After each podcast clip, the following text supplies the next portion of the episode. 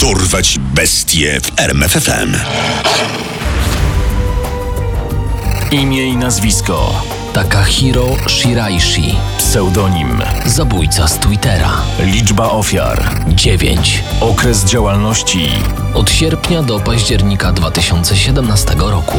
Wyrok Skazany na karę śmierci.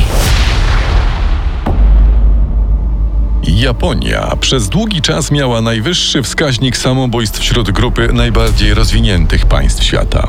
W 2020 roku aż 21 tysięcy obywateli tego kraju odebrało sobie życie. W marcu tego roku premier Japonii powiększył swój gabinet o ministra do spraw samotności, który ma zająć się problemem rosnącej liczby samobójstw, szczególnie wśród kobiet. Ten właśnie dramatyczny trend wykorzystał Takahiro Shiraishi, seryjny morderca z japońskiej Zamy, zwany zabójcą z Twittera.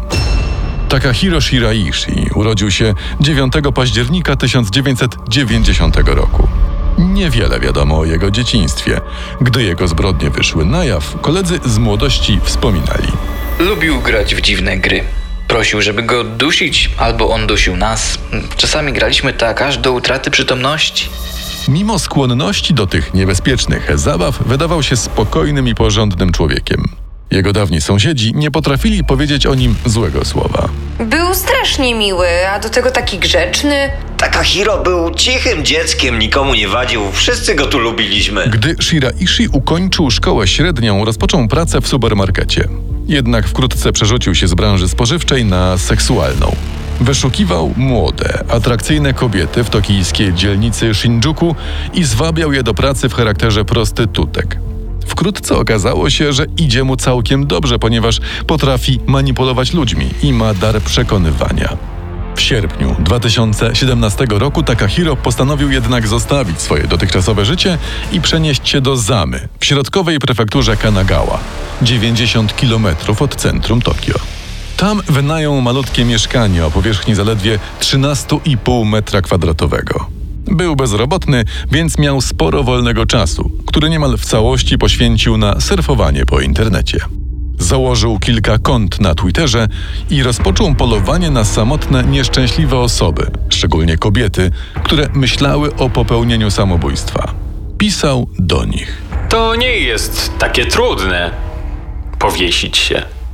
Ale jeśli nie umiesz sobie pomóc, chętnie ci w tym pomogę. Shiraishi proponował swoje lokum i ewentualną pomoc przy odebraniu sobie życia. W zamian oczekiwał jedynie tego, że będzie mógł na to patrzeć. Przedstawiał się niekiedy jako guru, doprowadzający do samobójczego aktu albo ktoś, kto poszukuje towarzysza czy towarzyszki do wspólnego odebrania sobie życia. Ze swoimi ofiarami Takahiro umawiał się na stacji kolejowej w pobliżu ich miejsca zamieszkania, tak by być pewnym, że dotrą do jego domu. Kobiety chętnie szły z Shiraishim, który był czarujący, sympatyczny i nie wzbudzał podejrzeń. Jak sam zeznał już po aresztowaniu, Łatwo szło mi przekonywać ludzi z problemami do mojego sposobu myślenia. Lubiłem nimi manipulować. Gdy przyszłe ofiary przybywały na spotkanie, Takahiro z uśmiechem towarzyszył im w drodze. Już na miejscu w swojej maleńkiej klitce odurzał je lekami, upijał alkoholem, a następnie gwałcił, dusił i ćwiartował ich ciała. Ofiarami Shiraishiego były głównie młode kobiety w wieku od 15 do 26 lat. Pierwsza dziewczyna, którą zamordował w sierpniu 2017 roku, miała 21 lat. Jak później stwierdził, nie miał zamiaru jej zabić, ale zażądała zwrotu pożyczki, której udzieliła mężczyźnie, a to go rozjuszyło.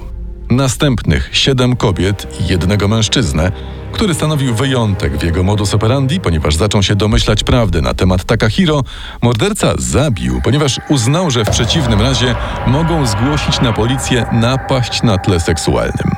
Ostatnia kobieta, którą pozbawił życia, miała 23 lata. Być może gdyby nie jej brat, Takahiro dalej pozostałby bezkarny. Chłopak w poszukiwaniu siostry zaczął przeglądać jej konta w mediach społecznościowych. Tam odkrył niepokojące wpisy dziewczyny i fakt, że kontaktowała się z tajemniczym mężczyzną, wymieniając z nim wiadomości dotyczące odebrania sobie życia. Szukam kogoś, z kim mogłabym umrzeć.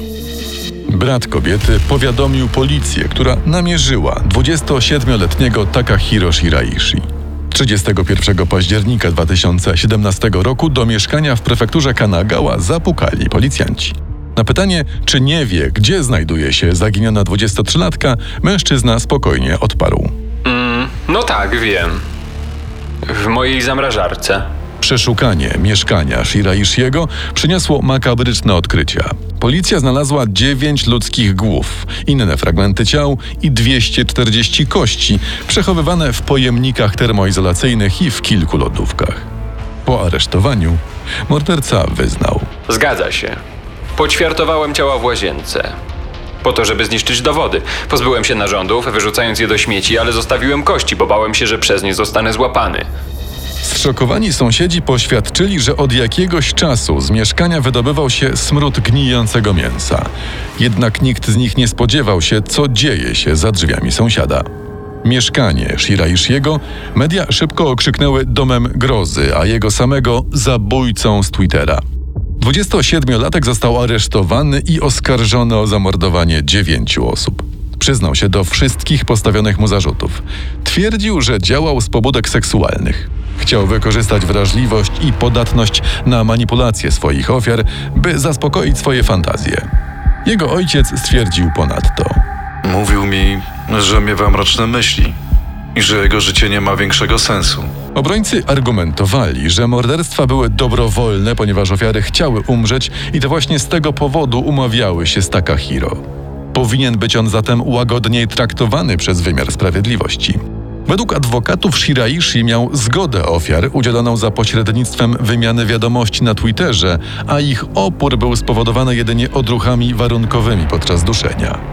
Obrońcy twierdzili także, że Takahiro w momencie popełniania zabójstw mógł być chwilowo niepoczytalny.